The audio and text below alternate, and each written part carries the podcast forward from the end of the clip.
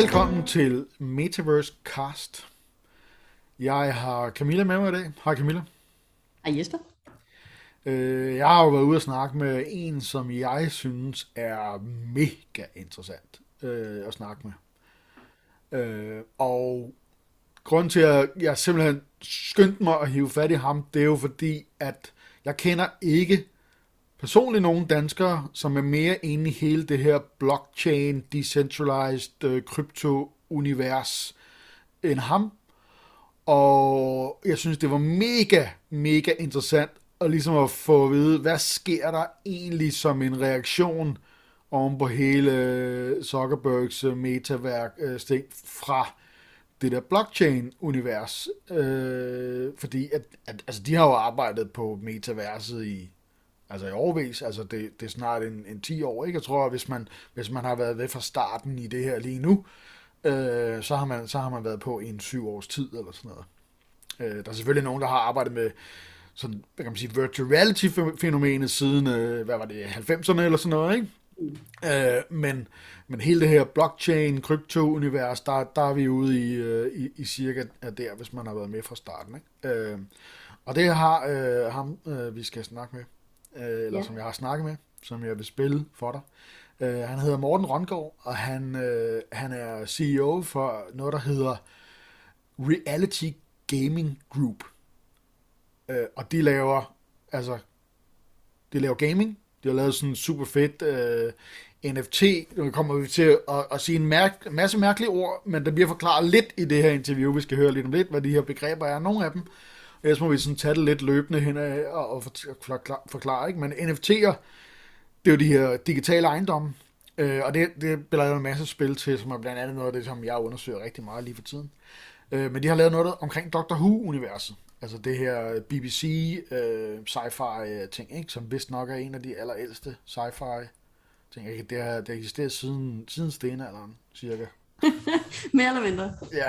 Ej, jeg ved faktisk, jeg tror nok, at det allerførste var i sort-hvid, så vidt jeg kan huske. Altså, du det er så gammelt er det faktisk. Ja, ja. Øh, det har jeg lige lavet noget med, og så lavet en masse andre ting. Altså, øh, og noget af det, jeg synes, der er fedt blandt andet, det er, at, øh, at Morten var ligesom en af first moverne i forhold til hele det her med green, altså øh, fordi blandt andet sådan noget med hele det her blockchain-univers øh, og de her forskellige ting, man kan gøre, det bruger en helvedes masse strøm. Ja.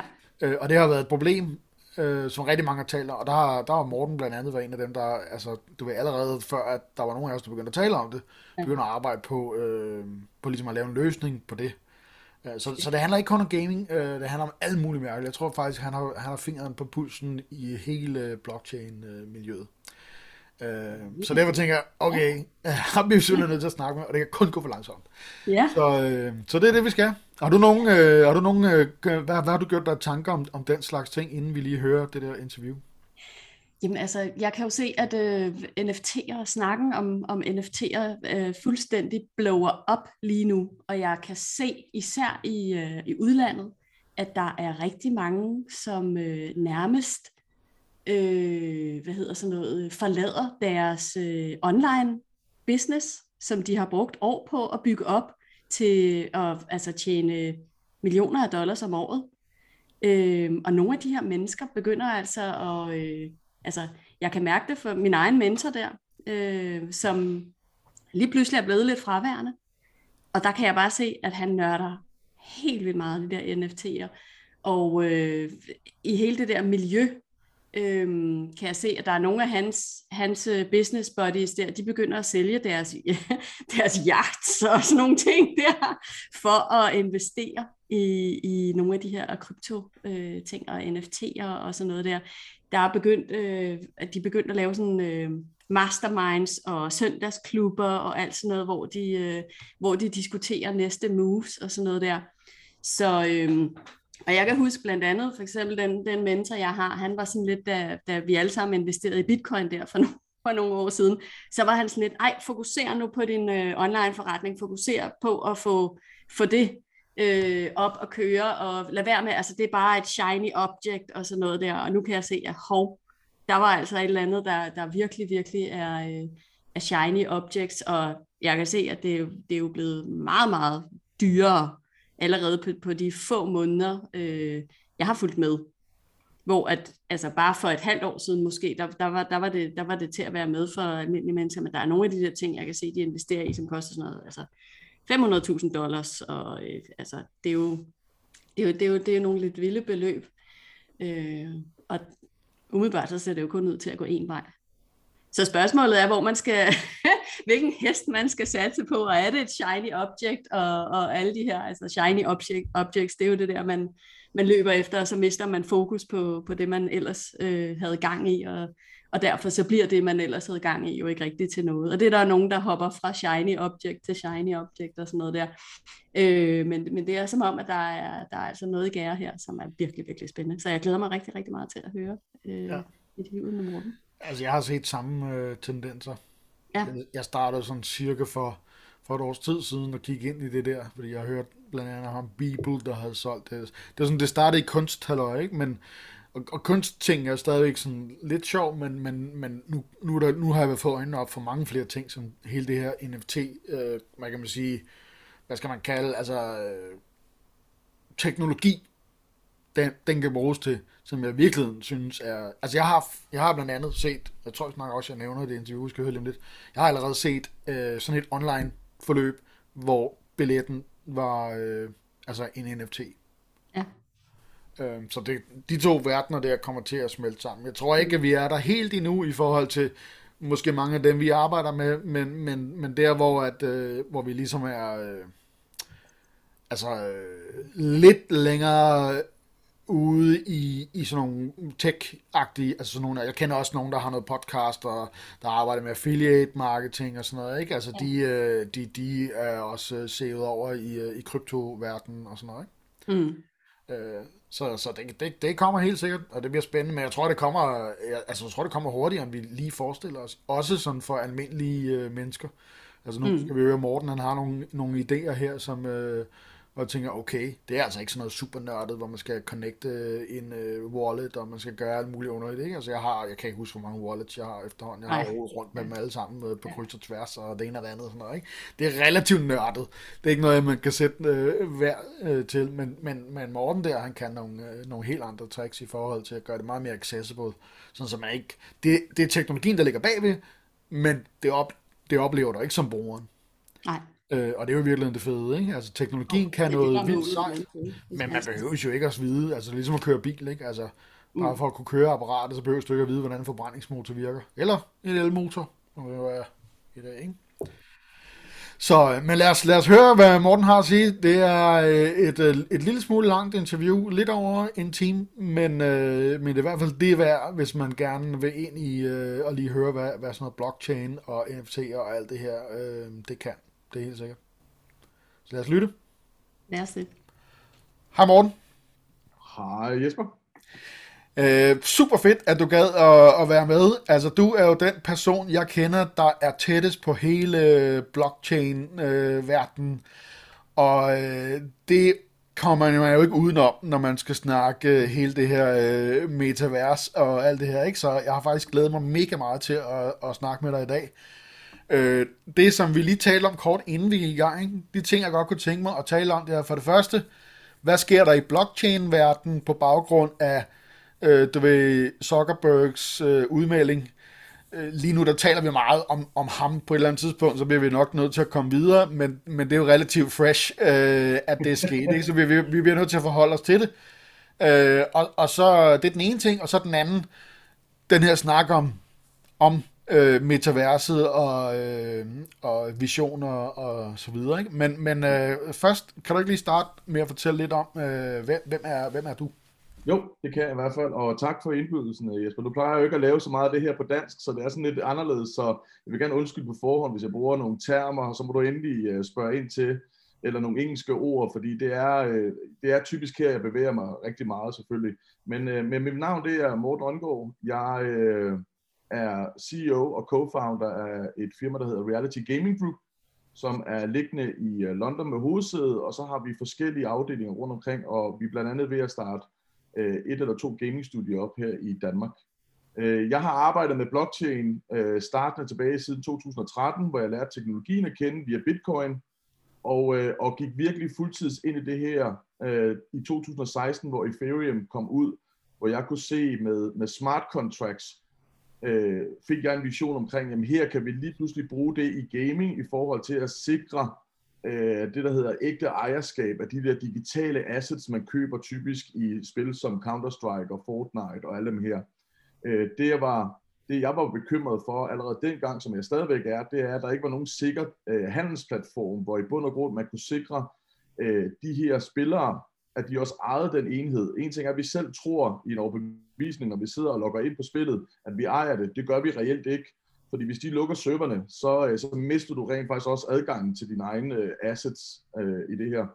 Og det var faktisk det, hvor jeg sagde, okay, den her, den her smart contract fra Ethereum kan bruges til at og ligesom øh, digitalisere ejerskabet, altså give et certifikat på den her ene enhed, og så sige, det er dig, der ejer den, og også giver dig mulighed for at kunne kontrollere, hvornår har jeg lyst til at sælge den, hvad er det for noget data selvfølgelig, der bliver samlet ind på den, men hvornår har jeg lyst til at sælge den, og, og min helt store drøm var jo også at se, øh, kan vi lave spil, hvor rent faktisk den samme asset kan bruges i flere spil, det vil så sige, at vi lige pludselig som en spiller får flere muligheder, frem for at jeg skal hen igen og bruge penge i et nyt spil.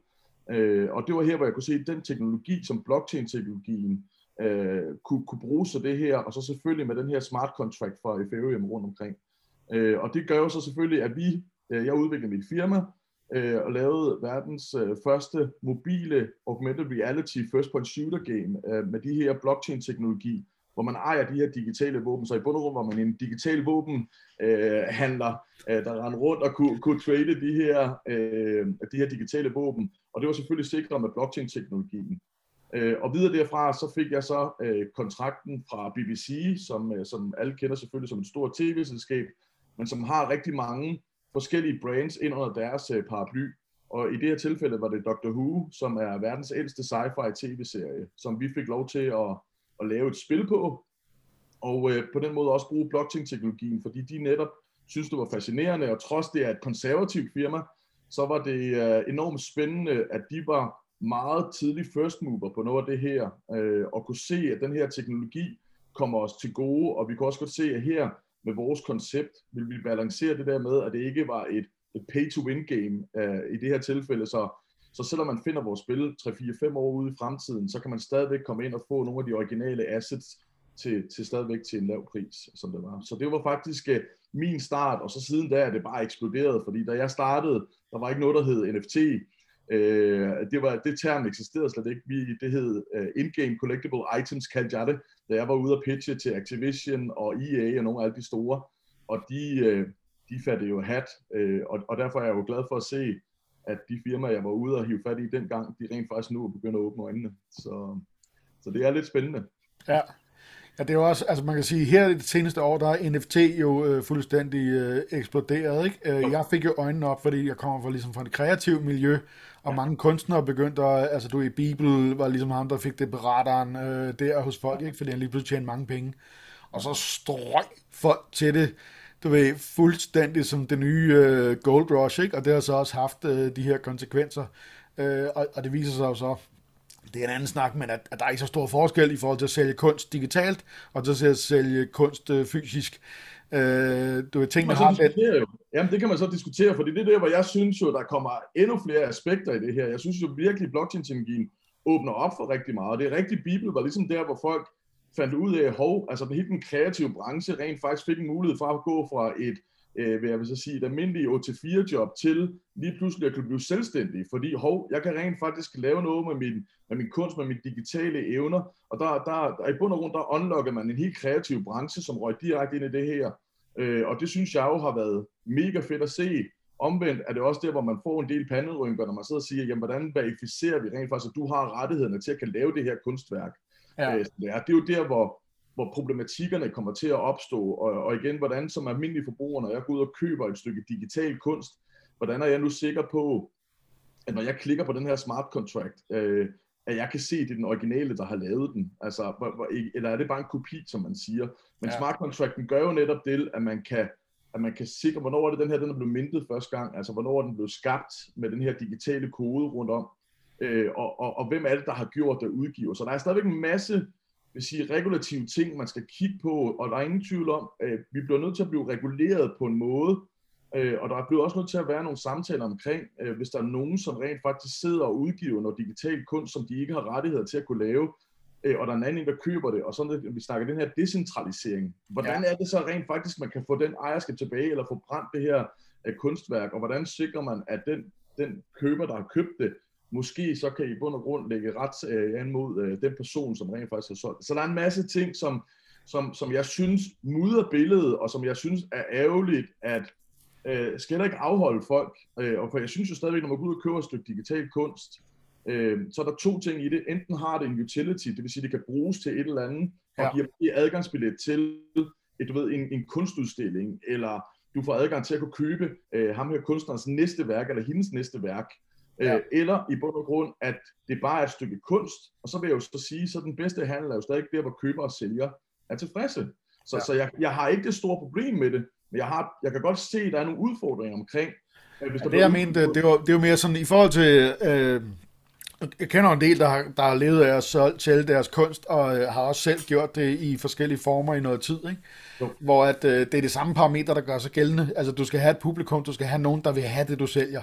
Ja. Øh, så bare det, det, at du kan lave det, er ikke ens betydende med, at du lige pludselig uh, sælger uh, en masse til at starte med. Ikke? Det er rigtigt, og det ser man jo også jo nu. Ja, altså, vi kan det. se det på, på OpenSea, der er mange, som kommer ind der og så siger, jamen, og vi kan se, at 95% af dem sidder jo her nu og siger, jeg sælger ikke noget, jeg har mintet noget, hvorfor sælger jeg ikke? Altså, der er også noget marketing bagved. Det er præcis. Øh, men det, jeg godt kan lide ved den digitale kunst, det er jo, at vi sikrer kunstnerne rent faktisk det, som vi kalder royalty-agtigt. Det vil sige, hver gang det bliver solgt ja. her, så kan du jo sikre, at de får en, en, en, en, en indkomst faktisk. Også de får en kommission af det gensalg, der sker. Hvor jeg føler her, for det første, så åbner du markedet op til alle i verden. Det vil sige, at du ikke bare hænger i et eller andet kunstmuseum et eller andet sted, øh, og så skal være afhængig af, hvad er det for et publikum, der er rundt om der. Men her der er det jo hele verden lige pludselig. Det gør det så også sværere for, at der bliver fundet måske, ja. hvis du ikke har marketingspengene. Men jeg, kan, jeg elsker ideen omkring, at man kan sikre via smart contracts den her kommissionsafregning automatisk. Øh, det, er fuldstændig, det er fuldstændig enig med dig det er, altså, Der er ingen tvivl om, at det er fedt. Og netop som du selv nævnte lige før, uh, utility, det er også noget af det, jeg ser mere og mere, ikke? Hvor, hvor man kan sige, en ting er, at, uh, Øh, altså nu, nu, nu skal vi passe på, vi ikke, det, det er måske en helt anden snak, vi kan jo se i forhold til den der... Det hænger sammen, det hænger sammen. Kunst, ikke? Men, øh, men netop utilityen, og så det der med, hvis du har et brand, og der, der, der, der er hype, og du ved, så det der, hvad var det hed, Board Ape, øh, halløj, ikke? Som, som lige pludselig, øh, og det, det er jo sådan helt øh, klassisk, det sker bare i den i digitale verden, og så er der en masse ekstra fede ting, så ingen tvivl om, at, at det er fedt, men jeg ser to ting i det, det er utilityen, og så nu her, kan jeg mærke på mig selv, fordi jeg har faktisk, jeg har købt nogle NFT'er, men det har vist været sådan nogle praktiske, altså jeg har købt noget domæner og noget, halløj, ikke? Øh, men jeg har faktisk ikke købt noget artwork endnu, fordi jeg så sådan, om det jeg så ville have, det var så egentlig lidt for dyrt i forhold til, hvad jeg ville betale for det og sådan noget, ikke? Så der har jeg ikke rigtig råd på. Men nu her, hvor vi begynder, altså nu har jeg jo fået et øh, VR-headset, og uh, jeg begynder ligesom at kunne have det her sted, jeg logger ind, og ja. vi begynder at snakke om, altså jeg begynder faktisk at kunne mærke trangen til at ville have mit eget værelse i VR, hvor jeg kan hænge mit, øh, min, altså ligesom her, øh, der hvor jeg sidder nu, hvor jeg har samlet ting og sager sammen, som jeg synes er fede, og omgiver mig med. Ja. Øh, og, og, og jeg skal være ærlig at indrømme, at selvom jeg har haft øjnene på det her NFT'er i, i godt et års tid, og virkelig fulgt det tæt, og været sådan lidt, nej, nah, det vil jeg ikke parat endnu, men nu her, så begynder jeg faktisk egentlig sådan at bladre lidt rundt og siger, nå, men er der egentlig noget, jeg lige skulle købe? og ligesom at have noget at hænge ja, op på væggen, ikke? Øh, jo, jo, men personligt, jeg har et par enkelte kunst, altså digital kunst, men jeg, jeg er jo lidt ligesom øh, som dig, og selvom jeg faktisk er lidt nørdet i det her, og har været med fra starten, øh, og det er jo fordi, jeg er kæmpe tilhænger af utility til den, ikke også? Øh, ja. og, og mange af de projekter, der er ude nu her, er fede, der er hype, der er kun en af en af dem, og jeg kan godt forstå det, men altså når du tager både sådan noget som CryptoPunks og, og Bored Ape, som, ja, det er fedt nok, og det er et eller andet specielt, men, men, men det er jo stadigvæk for mig, åh ja, jeg investerer i dem i forhold til øh, faktisk med henblik på mine medarbejdere, fordi jeg har lavet sådan en NFT-fond for mine medarbejdere, det vil sige, køber rent faktisk NFT-kunst, som kommer ind i den øh, fond, øh, og, og det der sker derinde, når vi så synes, okay, nu akkumulerer vi noget, nu sælger vi noget af det, så er det faktisk der, hvor bonuschecken er til vores, øh, til vores medarbejdere. Sådan okay. Så, så det er et anderledes måde at lave en, øh, en, en, en eller anden form for bonusordning til mine øh, medarbejdere, fordi vi er jo inde i det her space her, og jeg kan godt se det her, det vil give mening at investere i det, men ikke noget personligt, fordi det siger mig ikke noget. Altså, men, men rent investeringsmæssigt i forhold til, hvor jeg godt kan se, at det her, det er lavet af en kendt kunstner, øh, der er kun en af en af dem, eller der er et eller andet specielt koncept omkring den, som jeg synes CryptoPunks øh, havde også, som det var, ja. og det samme med Bored Ape, altså det her generative art, hvordan er det, man laver den samme og sætter alle mulige forskellige kombinationer på. Øh, så der, kunne jeg, der investerer jeg i det, men ellers for mig, så investerer jeg alt muligt. Nu fik jeg tæsk i går i, øh, af, af verdens nummer tre i skak, simpelthen fordi, at jeg købte øh, en NFT og vandt en aktion omkring en NFT, som gav mig rettighed til at spille et parti imod verdens nummer tre. Øh, dyrt, men det var de sjoveste 6 minutter, jeg havde. øh, øh, mega tæsk, øh, og, og vi sidder jo her og spiller et eller andet sted, og jeg sidder og lige pludselig og siger, øh, okay, I think I'm in trouble now, siger jeg så til ham. Og så siger han bare iskoldt, you've been for a while, siger han så bare. og, og det er jo der, hvor jeg siger, der er en utility til det, det giver mig en oplevelse. Jeg er villig til at investere i den oplevelse, som det er, men for mig var der helt klart en utility i det, jeg købte, og ikke bare hang på en væg, fordi, ja. som jeg siger, vi alle sammen tager jo billeder og lægger på vores computer, som i bund og grund er lidt af det samme, som jeg ser. Der er bare ikke en smart contract rundt om, men, men det ligger der jo bare, og jeg er jo bange for, også fordi jeg synes, det er for dyrt, nogle af de ting, hvor du kan udstille din NFT-kunst lige nu, altså digitale ja. fotogrammer og alt muligt yes. andet, hvor det skal være sådan lidt specielt. Øh, det synes jeg stadigvæk er for dyrt i forhold til det her. Så for mig, øh, jeg investerer i det i henblik på mine medarbejdere, øh, men ellers på det personlige plan, der investerer jeg kun i noget, hvor der, er, der har en utility, for det skal ja. give mening for mig. Ja, altså jeg går, øh, jeg går også lidt med sådan en, en hemmelig plan om at lave et, øh, et, øh, et designbureau, som laver blandt andet øh, mødelokaler og den slags, fordi at der er jo ingen tvivl om, at i fremtiden, så vil der være nogen, der gerne vil have et unikt mødelokale, som er i princippet et NFT, som så kan være designet i samarbejde med en eller anden kunstner, og, øh, og der, der vil det jo også kunne hænge ting, eller udstille, ja. hvordan nu det der space, altså fordi det er lidt, nogle gange så kan det godt være lidt svært at forestille os, fordi, fordi, fordi alle muligheder er åbne, ikke? Det behøver jo ikke bare at være et væg med fire vægge, altså det kan jo lige så godt være en bjergside, eller øh, du ved, hvad det er, ikke? Ja, lige præcis. Vi, altså, vi gjorde det tilbage i 17, da vi startede firmaet, der lavede vi det her øh, som hedder Reality Class, som er det her mobile AI shooter game. Altså, der, der gjorde vi det, vi brugte AR-kitten som nogle af de eneste, og som, som Apple stadigvæk har sagt, er den bedste brug af, af AR-kitten.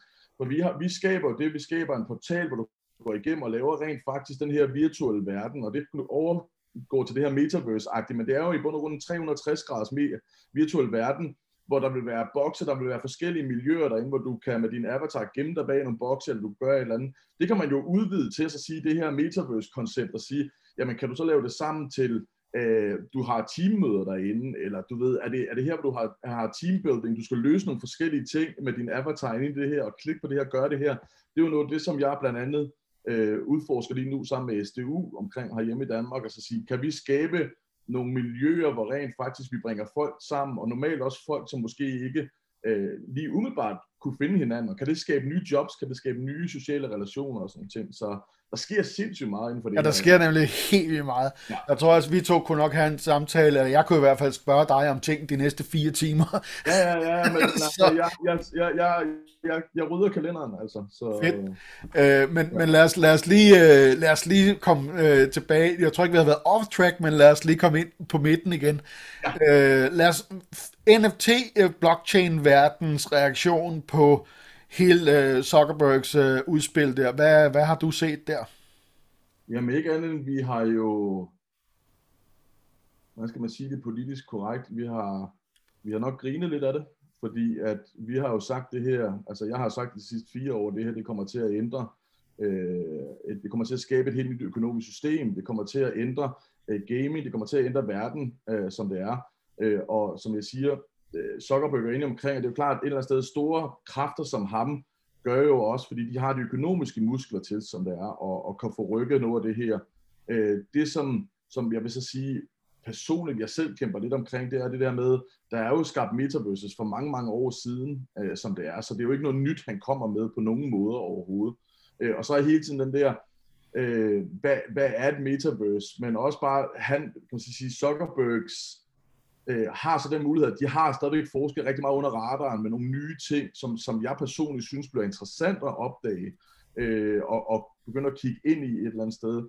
Øh, jeg vil jo så også advokere for, at man i hvert fald kigger på, at de her metaverses skal være det, som jeg kalder interoperable, altså som mulighed, og det er det, jeg elsker ved blockchain-teknologien, det er, at der er jo allerede rigtig mange rigtig fede metaverses derude. Altså Decentraland, vi har Sandbox, vi har uh, Atom Universe, og, og så forskelligt. Der kommer rigtig, rigtig mange forskellige. Roblox også er jo en af dem her. Øh, og vi ser jo rigtig mange store brands rykke ind i de her metaverses, fordi lige pludselig, så er det netop, at de kan kombinere de fysiske ting med de digitale ting, og i bund og grund unlock en helt ny øh, revenue stream. Og det er også derfor, så mange store firmaer kommer ind i det. Øh, jeg er måske bange for, at store firmaer, som lige præcis Meta, som han kommer til at kalde det, kommer til at sætte dagsordenen, og vi andre, vi ligesom du ved, øh, må, må, må øh, følge trop og indordne sig efter ham. Det vil altså sige, der, der tror jeg, at modstanden er så stor i den her blockchain-verden, her den decentraliserede der, at det kommer ikke til at ske overhovedet. Det er ham, der kommer til at tilpasse sig, øh, og rent faktisk levere noget, som er interessant for brugerne, for hvorfor skal de bruge tid inde i hans meta-univers? frem for alle de andre super fede ting, der er. Han har stadigvæk ikke gaming-delen på, så det han kan levere, som jeg ser det, det er jo den der sociale interaktion. Øh, det mener jeg jo, at gaming øh, virkelig, virkelig er et stærkere øh, redskab til, hvis du gerne vil, vil, vil understøtte den der sociale integration. Fordi igen, gaming bliver brugt af rigtig mange forskellige mennesker på så, mange forskellige niveauer. Altså der er ikke nogen forskel, om det er Candy Crush, eller om det er, er BBC, eller om det er et eller andet spil, som det er øh, du, du rammer jo alle mulige forskellige målgrupper og forskellige øh, mennesker, øh, men, men det der med, hvordan giver vi mig mulighed for at, at, at igen interagere og socialisere ind i den her virtuelle verden her. Ikke? Så, så for mig, det er ikke noget specielt, det han kommer med. Jeg er så til gengæld meget interesseret i, hvad er det for noget tech, der måske kommer til at rykke noget virkelig øh, bagved et eller andet sted. Og vi har set noget smooth på noget af det et eller andet sted. Ikke? Så... Hvad, hvad, er det, hvad er det, du har set blandt andet? det er blandt andet, du ved, lige præcis det der avatar-model. Altså igen, du ved, at Unreal kom ud med deres uh, Engine 5, ikke også? Og der har jeg også nogle metaverse, som jeg blandt andet er rådgiver for. Øh, hvordan det kommer til at ændre. Lige nu er der mange af dem, som er sådan lidt pixeleret, sådan stilagtigt. Øh, der ser vi blandt andet det som Meta, som han har lagt frem, det er, at nogle af de her avatar-modeller er rigtig, altså de, de, de ser meget mere livagtige ud, og næsten sådan robotagtige ud, som jeg tror stadigvæk, at, øh, at vi godt kan lide som mennesker. Altså, der, er, det, der, der skal være en klar adskillelse alligevel. Det må ikke være en præcis lookalike af mig som person. Der, der skal være noget forskel, selvom man rent faktisk godt kunne lave det livagtigt. Øh, for jeg tror på, at man stadigvæk får i forhold til sin, sin, øh, sin hjerne, tror jeg, man har brug for at have den der adskillelse. Nu træder jeg ind i den her. Fordi det er jo bund og grund det, som et metaverse er, ifølge mig i hvert fald. Det er jo, det er jo et, et, et moment in time, altså som det er. Det er jo på det tidspunkt, hvor du vurderer, at det her digitale liv, som jeg kan træde ind i den her metaverse, er mere interessant end mit fysiske liv. Øh, det synes jeg er mega spændende, og jeg er også øh, meget bekymret for, for nogle forskellige ting øh, omkring lige præcis det der et eller andet sted. At ja, altså man kan jo sige, lige præcis en sætning som den der, er jo noget, som godt kunne øh, skabe lidt øh, på styr rundt omkring, øh, tror jeg, ikke? Så, så, øh, så, så hvis man lige skal sådan øh, inden, inden isen knæger alt for meget, og, øh, og der er nogen, der begynder at finde øh, høtyve og fakler frem, så skal du sige, okay, at øh, når man siger, altså, du ved, hvorfor er et liv mere spændende derinde, ikke? Jamen, det kan jo være for eksempel, altså nu, nu er vi jo alle sammen blevet vant til at mødes på Zoom, ikke? Altså, ja. øh, og nogle af de ting, vi har været inde på i nogle af de andre episoder, det er i øjeblikket i, øh, i VR, der er det sådan lidt, altså du ved, du kan mødes med sådan nogle Lego-agtige mænd, øh, og det er der egentlig ikke rigtig nogen, der synes, der er sådan mega fedt. Det, det, bliver, det bliver bare lidt fjollet, ikke? Øh, og så hopper folk tilbage på Zoom. Øh, så muligheden er jo selvfølgelig, at når den teknologi på et eller andet, som du selv nævner, når den teknologi på en eller anden måde bliver federe, jamen så har du mulighed for stadigvæk at snakke med nogen på den anden side af Atlanten, øh, men, men have en følelse af at være en lille smule tættere end, øh, end på Zoom, ikke? Jo, men det synes jeg allerede nu her i forhold til, altså jeg, jeg synes jo, når man ser Metaverse, for mig er det ikke negativt i forhold til, fordi at jeg sammenligner det lidt i, for, i hvor vi er nu her. Altså, du har de muligheder, men også bare sådan noget som e-sport for eksempel. Altså, det jeg elsker ved gaming, det er jo et tastatur, kan jeg ikke mærke forskel på øh, mand, kvinde, altså køn. Det kan jeg ikke mærke forskel på religion, hudfarve, alle de andre forskellige ting. Altså, her der er vi alle sammen gamere. Det vil så sige, at på den her måde her, i et metaverse, der føler jeg jo et eller andet sted, at der er en større social accept af, øh, at, at vi, vi bringer folk sammen, også et eller andet sted, fordi vi kan ikke se, vi, vi kigger på hinanden på, på samme briller et eller andet sted. Vi synes måske bare mere, okay, det er fandme nogle fede Nike-sko, du har på i den her digitale verden, dem vil jeg gerne købe af dig øh, hvor normalt, hvis du møder en person ude i virkeligheden, så vil du ikke gå hen og turde spørge dem om det. Så jeg synes, vi nedbryder nogle tabuer, og jeg synes, man skal kigge mere på, øh, der er selvfølgelig nogle, der kan være nogle negative konsekvenser, og det vil der være, men, men man skal også kigge på, hvad er det i bund og grund, vi lige pludselig gør med de her metaverses. Jeg synes jo netop, at vi laver den her sociale interaktion på nogle helt andre niveauer. Vi bringer folk sammen. Jeg synes, unge mennesker, øh, som allerede nu er digitale, det er jo typisk bare også gamle mennesker, som, som ser alle de her løftede pegefingre. Pas nu på, og det ene og andet sådan ting. Til gengæld kan vi jo bare se, at deres niveauer på fremmedsprog bliver højere. De, får en, øh, de, de lærer lige pludselig deres forældre omkring, jamen jeg gjorde lige sådan her, sådan her dag, og det her det er grunden til, at vi gjorde sådan her, fordi man sidder og diskuterer nogle andre emner, eller der, der er en masse ting, de her øh, forskellige universer kan bruges til, både inden for uddannelse, og så selvfølgelig det sociale omkring, man er fælles om en opgave, man bliver bedre til at lave teamwork. Øh, udfordringen kan selvfølgelig være, øh, typisk i et avatar, det er, at man ikke kan aflæse måske mimikken på folk og lære at sige, om du er sur i dag, eller jeg er glad og sådan ting. Det er jo der, hvor man skal begynde at arbejde med, hvordan kan den digitale avatar i en rent faktisk også vise følelser i forhold til, øh, hvor du er hen, hvad for en sindstilstemning du er. Og det er faktisk noget, man arbejder med inde på NFT faktisk, i forhold til, øh, hvilket er yderst spændende i forhold til den der, hvordan er du som person, hvordan udvikler du dig, hvordan kan du visuelt vise din udvikling som menneske, også i form af en, en, en avatar. Så, så det er faktisk øh, rigtig, rigtig spændende øh, at arbejde med nogle af de her ting her. Men selvfølgelig, ved alle ting, når der er fremskridt, så er der også nogle ting, man bliver nødt til at være opmærksom på, som man skal håndtere, og siger, hvordan er det, vi, vi, øh, vi håndterer de her forskellige ting, blandt andet, som, som, som jeg nævnte øh, indledende, det var, at den her psykiske sårbarhed, altså psykisk sårbarhed af mennesker, som rent faktisk har lyst til at flygte ind i den, øh, ind i den her verden her, øh, synes jeg jo er fantastisk, fordi på den måde føler de måske ikke angst, de føler rent faktisk, at her kan de udfolde sig, her kan de være nysgerrige, uden at blive øh, stigmatiseret, eller du ved, at når du er også sådan her, og sådan, hvor, hvor jeg er så selvfølgelig bange for, at den virtuelle verden bliver mere attraktiv end den rigtige verden. Og hvordan håndterer vi det? Altså det og det er også game producer, som har et kæmpe ansvar. Hvordan sørger vi for på en eller anden måde at arbejde sammen med både myndigheder, men også de forskellige organisationer, øh, hvordan håndterer vi det inde i de her verden, hvor man hurtigt godt kan flyde hen, og i bund og grund glemme alt om tid og sted.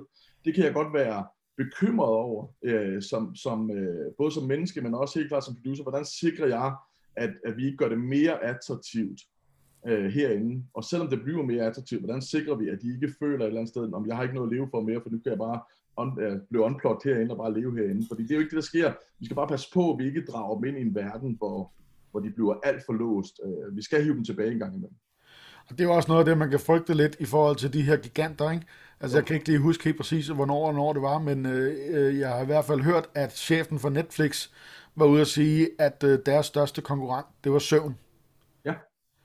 Øh, og, og der kan man sige, når, når de her, de, øh, altså, de lever af at sælge vores opmærksomhed til andre, så er de faktisk ikke interesseret i, at vi skal hoppe ud og være noget andet sted, ikke? Ja, lige præcis. Og det er jo der, hvor jeg mener, at vi har et moralsk, og det er netop det der med, hvordan, hvordan sørger vi for den etik, ligesom der er selvfølgelig alle mulige forskellige øh, lov og regler omkring, hvad må du annoncere mod børn, og hvad må du annoncere ved, og de forskellige ting. Det bliver vi også nødt til at have med ind i her, fordi vi har et kæmpe ansvar, øh, og, og det er der, hvor jeg siger, øh, jeg føler, jeg vil altid bygge noget, hvor jeg synes, oplevelsen er mega fed, som det er. Omvendt, så vil, vil, vil jeg også sikre, at, øh, at netop, at man ikke bare forsvinder væk der, for vi har et ansvar omkring at sørge for, at du, du, må, ikke, du må ikke bare blive herinde hele tiden. Sådan der. Og det er jo noget af det, vi kan kontrollere ved at sige, jamen du kan ikke logge mere ind i dag. Altså, øh, og det kan man så diskutere, er det så friheden, er det liberale omkring, skal vi ikke give folk mulighed, at de skal selv bestemme deres eget liv? Øh, det skal de helt sikkert. Så vil, så vil jeg hellere have, at vi måske begynder at arbejde med at sige, vær lige opmærksom på det her, eller sådan ting. Og så kan det være, at vi kan inkorporere nogle forskellige funktioner i vores spil, og så sige, jamen nu skal du lige, øh, du ved, rejse dig lige op, gå lige ud og få noget frisk luft, gør et eller andet, øh, næsten ligesom du får i din bil, når du siger, nu har du kørt for lang tid, tag lige en kop kaffe hold ind til siden. Øh, det er sådan nogle ting, som jeg mener... Ja, din telefon skruer ned for lyden, når du har spillet for højt for længe og sådan noget. Jo, jo, og din skærmtid, hvor lang tid du spillet og sådan nogle ting. Det er jo at gøre folk opmærksom på, at du har en adfærd, som går ud over det normale, og hvor vi også, hvad vi anbefaler. Og vi kan kun sætte anbefalinger ind øh, i bund og grund, ikke? og det vil jeg også kunne gøre, Øh, men, fordi jeg vil ikke jeg vil gerne give folk friheden til selv at vælge over deres eget liv, som det er. Jeg vil også bare gerne øh, appellere til, at man selvfølgelig tænker sig om, øh, som alt andet et eller andet sted, og så have en eller anden sund fornuft i det. Øh, og der i det her metaunivers, som kommer til virkelig nu her at boome, der er forældrene en rigtig vigtig rolle i det her. Sørg nu for at sætte nogle grænser for jeres børn, øh, men vær nysgerrig sammen med dem. hvad er det her for noget, i stedet for bare at holde sig helt udenfor, og rent faktisk ikke har lyst til at være en del af det, og bare sige, at det her det er ikke noget for mig. Vær nu nysgerrig på, for det, det giver faktisk rigtig meget, og det giver rigtig mange positive ting, hvilket man ikke vil opdage, hvis man ikke er nysgerrig sammen med sit barn, fordi jeg synes, at, øh, at det skylder man sit barn, så hvor det her det kommer til at spille en kæmpe, kæmpe stor rolle i deres liv, også øh, fremadrettet. Ja, altså øh, vi har jo lige fået øh, for et par uger siden det her VR-headset, og øh, her den anden dag, der spillede vi det spil, der hedder Demio, kender du det? Altså, ja, jeg har kun hørt om det, ja. Jeg det er lidt ligesom Hero Quest, men altså, hvor du, okay. hvor, du, hvor du ser det helt op fra, du flytter rundt, turn-based, flytter rundt med brækker og sådan noget. Det er mega fedt. Altså, mit, mit knæk på syv og mig, ikke? Altså, så følger jeg med på iPad'en, og der har jeg allerede set, jamen, vi, skal jo, vi er jo nødt til at have to headsets. Ja. Altså, fordi så kunne vi jo stå om bordet og snakke om det. Ikke? Nu er det altså sådan noget med, at vi skal skifte den ene headsetet på, og jeg kigger med på iPad'en, og så fortæller han lige, hvad han skal gøre, og nogle gange bliver jeg nødt til lige at tage det på og lige ro rundt med et eller andet, ikke? fordi det er der, hvor han er lige nu. Ikke?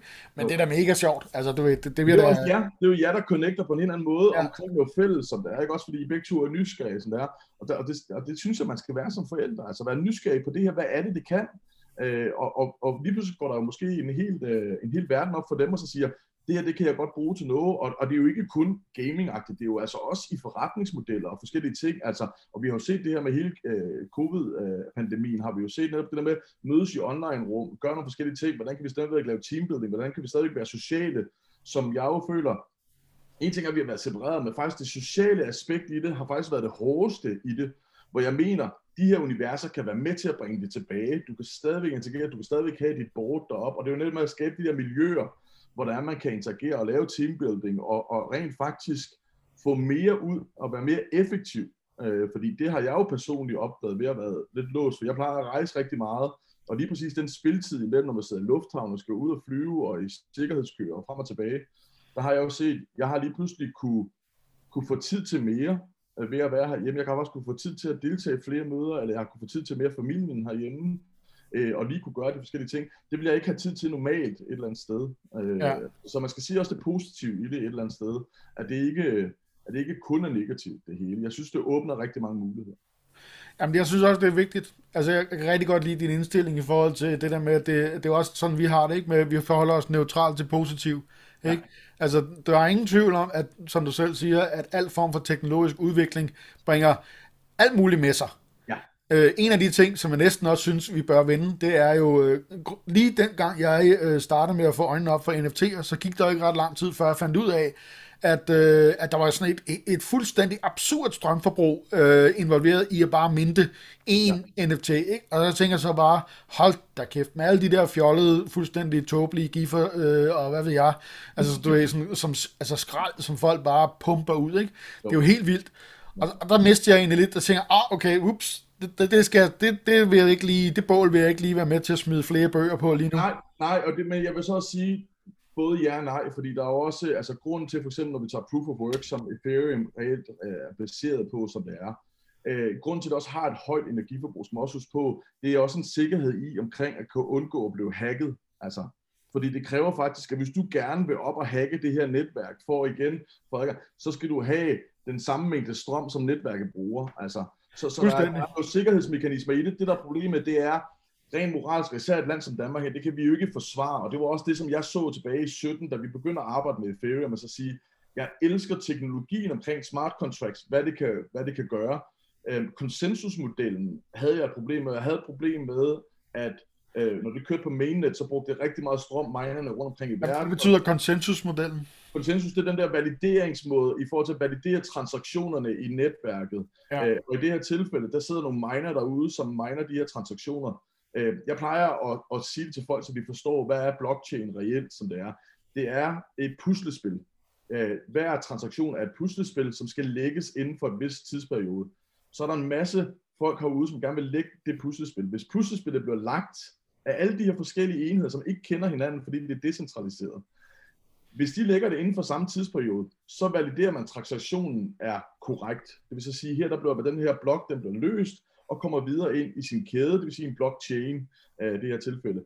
Og, og hvis man så gerne vil ændre den data i en blok, der allerede er løst, så kræver det, hvis man siger, nu sidder jeg her, og jeg har lyst til at lave en, en, en prøve at snyde systemet og gå tilbage og sige, den blok, jeg lavede for to dage siden, den vil jeg gerne lige ændre nogle data i, fordi nu, nu, var det, nu passer det mig det her øh, så skal de samme decentraliserede enheder rent faktisk verificere den ændring, du gjorde der. Det kan de jo ikke gøre, fordi du kender dem ikke hinanden på den måde. Ja. Øh, og derved så bliver du nødt til at lave den som en ny transaktion, hvis du gerne vil det. Øh, men så kan man jo lægge de to ting sammen og sige, at du har lavet en ændring i forhold til den her, og ergo så er der et eller andet øh, på færre. Øh, så for mig, så var det jo fantastisk øh, på den måde. Men, men selve øh, hele brugen omkring det her blockchain, synes jeg jo bare, at når vi så kigger på, da vi gjorde det tilbage i 17, siger jeg blev nødt til at flytte mine server over på en grøn øh, løsning. Jeg bruger server, som kun øh, er øh, powered, eller kun bruger, bruger solenergi, vandenergi og vindenergi. Øh, men det var så nok til, at min, min minting af mine NFT'er er under en Visa-transaktion, for eksempel, hvad den koster at, at lave i carbon eller i, i CO2-aftryk. Ja. Øh, så på den måde, så var jeg jo allerede glad. Nu havde vi allerede et setup, som er super, øh, altså i bund og grund CO2-neutralt, men jeg vil jo gerne videre, og det var grunden til en af de, hvor vi nu her virkelig laver nogle aftaler med store firmaer. Øh, det er simpelthen på grund af vores, vores den setup, vi har her nu, og jeg var i Malta i sidste uge, hvor jeg var nede og vise, at vores første ligesom Genesis-projekt, vi har lavet med den her nye uh, setup, det var med Team 17, som blandt andet har Worms uh, til uh, spillet. Uh, og de var jo selvfølgelig bekymrede for hele den her bæredygtighed, og hvordan håndterer vi det her energiforbrug. Og selvom jeg kunne vise vores setup, gjorde de her ting, så er der jo stadigvæk i, den, i gamingverdenen er der jo et, et CO2-aftryk. Altså du bruger den, ligesom du nu streamer, så bruger du også en masse ting. Og, og, men det kan vi jo måle. Vi kan jo måle, hvor lang tid er vores, er vores brugere på platformen, hvad er det, de gør, hvad er det, de laver, mindre de, eller spiller de, eller hvad gør de. Den, det CO2-aftryk, de sætter der, det var, det var blandt andet Team 17 selvfølgelig nysgerrig på, hvordan kan vi håndtere det. Og jeg fandt jo så rent faktisk et, et, et, et, et projekt, et grønt projekt, i Canada, som arbejder med rigtige orme, som håndterer madaffald. Øh, og, og de her rigtige orme, de får madaffald ind, og de spiser dem, og de får rent faktisk, øh, det hedder wormcasting, det, hedder, det lyder lidt bedre end at sige øh, øh, med lort, men, ja. men det er reelt det, det er. Øh, og, der, og den er enormt øh, næringsrig, øh, den her, det her affald her. Og, og det kan man så bruge til at erstatte øh, syntetisk gødning med. Det vil så sige, at her der får vi lukket en cirkel, så, så når vi sælger digitale orme og rent faktisk har et, et, et, et aftryk på vores platform, så fonder vi rent faktisk også det her grønne projekt, som laver omstilling og giver et positivt øh, green score eller impact score på grund af den omstilling, de laver, tilbage til firmaet. Så på den her måde er vi ikke bare CO2-neutrale, vi rent faktisk går ind i det, der hedder restoration mode. Og det er sådan en hel platform, jeg rent faktisk har fået lavet, det økosystem har jeg nu fået lavet, og det er også det, der gør, at store firmaer nu ser, vi kan med med sikker hånd gå ind i den her NFT-blockchain-verden. Fordi i hvert fald via os, øh, som Reality Gaming Group, vi håndterer lige præcis den her øh, bæredygtighed og det CO2-aftryk, du sætter i vores, gennem din spil, igennem din minting, eller hvad du nu gør. Det kan vi hele tiden måle, og så kan vi sørge for at balancere det ud, og sørge for at balancere ekstra ud, eller lave en markup på det, så vi altid er i plus i vores systemer. Det er jo det, vi er i gang med nu, og skal visualisere, at når der kommer en ny spiller ind, jamen hov, så sørger vi altså for at, øh, og, og, øh, og justere eller balancere vores CO2-aftryk i den anden ende. Så der. Og det er jo en game changer inden for det her, hvor vi kombinerer den digitale verden med bæredygtighedsprojekter rundt omkring, som det er. Ja. Øh, og der er Team 17 som vores første sammen med det her øh, uh, Refeed Canada, uh, Refeed Farms over i Canada, som kommer til at sprede sig ud til forskellige steder i verden. Så det bliver helt fantastisk at arbejde med det her. Og der arbejder vi rigtig tæt med, med AWS, altså Amazon Servers, som også arbejder rigtig meget med deres bæredygtighed, øh, og allerede nu har CO2-neutrale datacentre, og vi arbejder så, øh, vi er gang med at prøve at lave en aftale med Deloitte, som kommer ind som vores, den der audit-partner til at certificere den data, der ryger igennem, så vi undgår greenwashing og alle de andre forskellige ting. Fordi jeg ser det her som en, en naturlig ting i en digital verden, at vi skal sikre, at vi ikke ødelægger verden, øh, og tværtimod tager det positivt, det her siger, hvordan kan vi også skabe flere jobs, hvordan kan vi skabe i bund og grund en, en, en ændring i vores adfærd øh, på mange områder, men vi skal bare være bevidste omkring det, fordi vi bliver ved med at være digitale, det bliver kun endnu mere af det, men vi har et ansvar som game producers i forhold til den, den CO2-udledning, vi har, hvordan kompenserer vi det, og alt kan ikke løses med plantet træ, øh, desværre som det er. Det løser rigtig meget, men jeg vil jo gerne gå endnu videre ved at finde de her forskellige slags bæredygtighedsprojekter. Og det behøver ikke kun at være orm, det kan være øh, etablere et, et rev i Bali, Indonesien, eller det kan være, at vi, øh, vi håndterer, øh, samler plastik op, eller vi arbejder med jorderosion i Brasilien og sådan forskellige ting. Så vi har alle mulige forskellige projekter rundt omkring, Øh, og et af vores danske, som vi starter op her, det er blandt andet øh, CPH Farmhouse, som er øh, vertical farming, altså øh, hvor du igen frigiver noget jord øh, ved at kan lave fødevarer øh, i flere etager, og så frigiver du den jord, som vi så vil plante øh, planter på og lave biodiversitet og sådan forskellige ting, sådan så impact-skoven bliver endnu større øh, for de her. Så vi giver faktisk alle firmaer en mulighed for at kan købe sig ind på de her forskellige projekter og være med til at støtte dem, og så få den her Green Impact Score øh, bagved som firma. Og det tror jeg på bliver en, en kæmpe stor game changer. Øh, ikke kun inden for gaming, men også bare generelt inden for, hvordan kan firmaer arbejde med deres, med deres øh, CSR og de forskellige øh, social governance og sådan ting, altså ESG-profilen.